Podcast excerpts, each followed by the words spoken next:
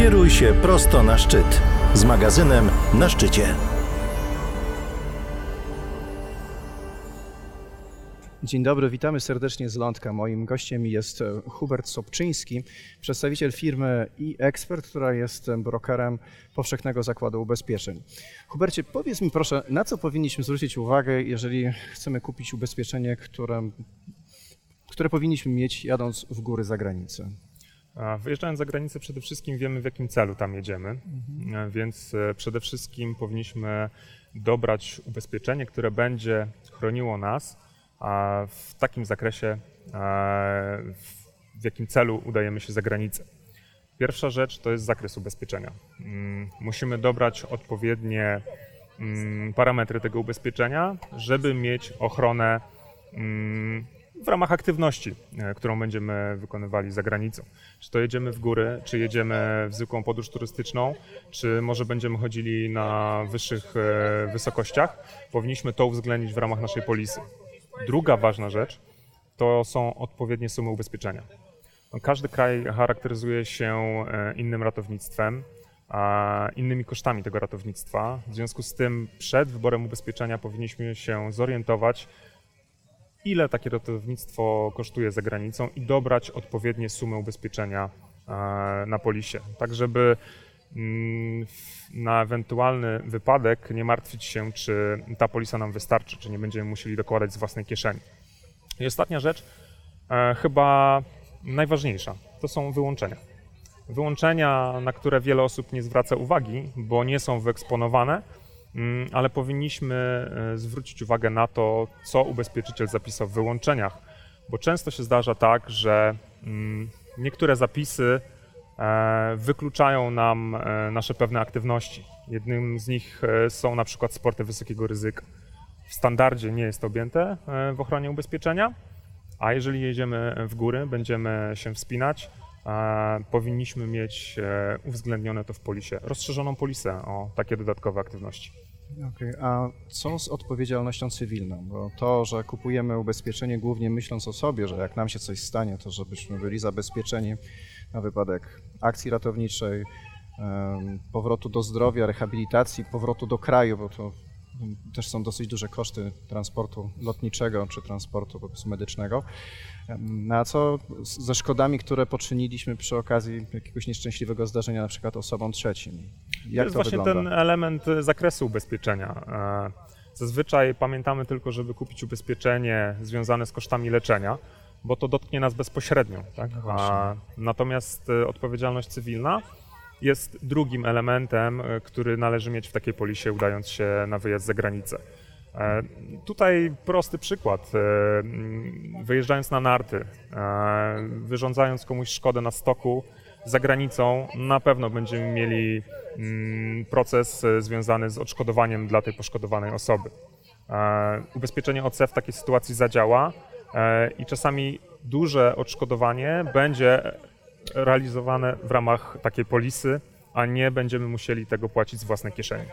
No to, dobrze, to tak podsumowując, e, jadąc w góry, e, punkt po punkcie, czyli przede wszystkim określamy, jaką aktywność chcemy robić. Zgadza się. Później określamy na przykład wysokość, na jakiej będziemy na przykład przebywać i będziemy uprawiać te aktywności. Czy to też jeden z parametrów? Tak, dokładnie. Ubezpieczyciele często w warunkach wskazują, do jakiej wysokości obejmują ochroną mhm. naszą aktywność. Czasami jest to nawet już 2,5 tysiąca metrów nad poziomem morza. W związku z tym, nie dobierając tutaj odpowiedniego zakresu, możemy mieć e, spore rozczarowanie w momencie, kiedy coś się stanie na wyższych e, partiach w górach. Okay. Później sprawdzenie dokładnie ewentualnych wyłączeń. Dokładnie tak. Wyłączenia przede wszystkim związane z mm, konkretną aktywnością, czy sporty wysokiego ryzyka są objęte ochroną. Okej, okay, a na przykład jeżdżenie poza trasą albo robienie jakichś takich rzeczy, które nie do końca jakby przewiduje polisa, czy to jest ujęte w, jakby w zakresie ochrony, bo na przykład jeździmy na nartach, lubimy ten sport, mamy wykupione ubezpieczenie, czujemy się bezpiecznie, ale będziemy mieć taki pomysł, a może spróbujemy freeride'u i tak sobie poza trasą pojeździmy. Jak to wtedy może wyglądać, jeżeli mieliśmy tylko klasyczne ubezpieczenie na narty po prostu. W ramach danego ośrodka narciarskiego po prostu jesteśmy chronieni, ale tylko w ramach jego infrastruktury. Czy trasy freeride'owe są jakby wyłączone na przykład wtedy? Tutaj dochodzimy do kolejnego ważnego aspektu, czyli definicji.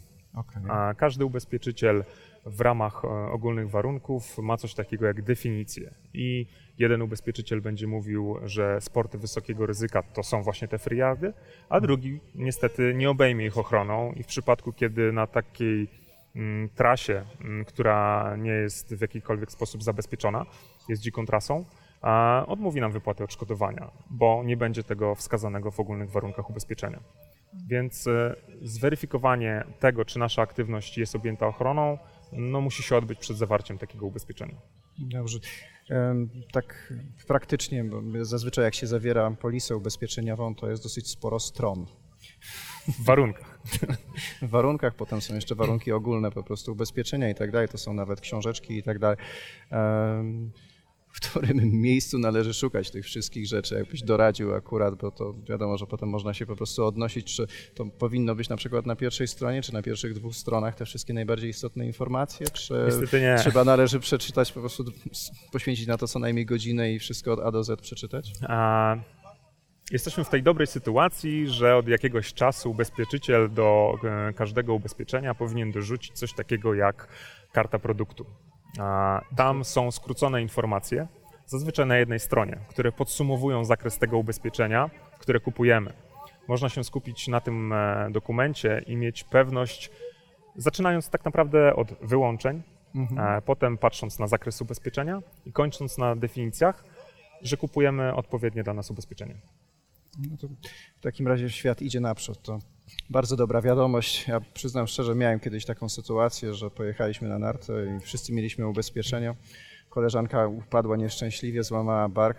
Jak się później okazało, kosztowało ją to tak około 25 tysięcy, ale za to w tym ubezpieczeniu mieliśmy utratę, utratę sprzętu narciarskiego. Czyli jakby ktoś nam ukradł buty, to ubezpieczyciel by nam coś wypłacił, natomiast nie było kosztów pokrycia akcji ratowniczej, także to takie było niemiłe rozczarowanie, dosyć kosztowne. Zgadza się. Bardzo dziękuję Ci za rozmowę. Dziękuję. Bardzo dziękujemy. Do usłyszenia.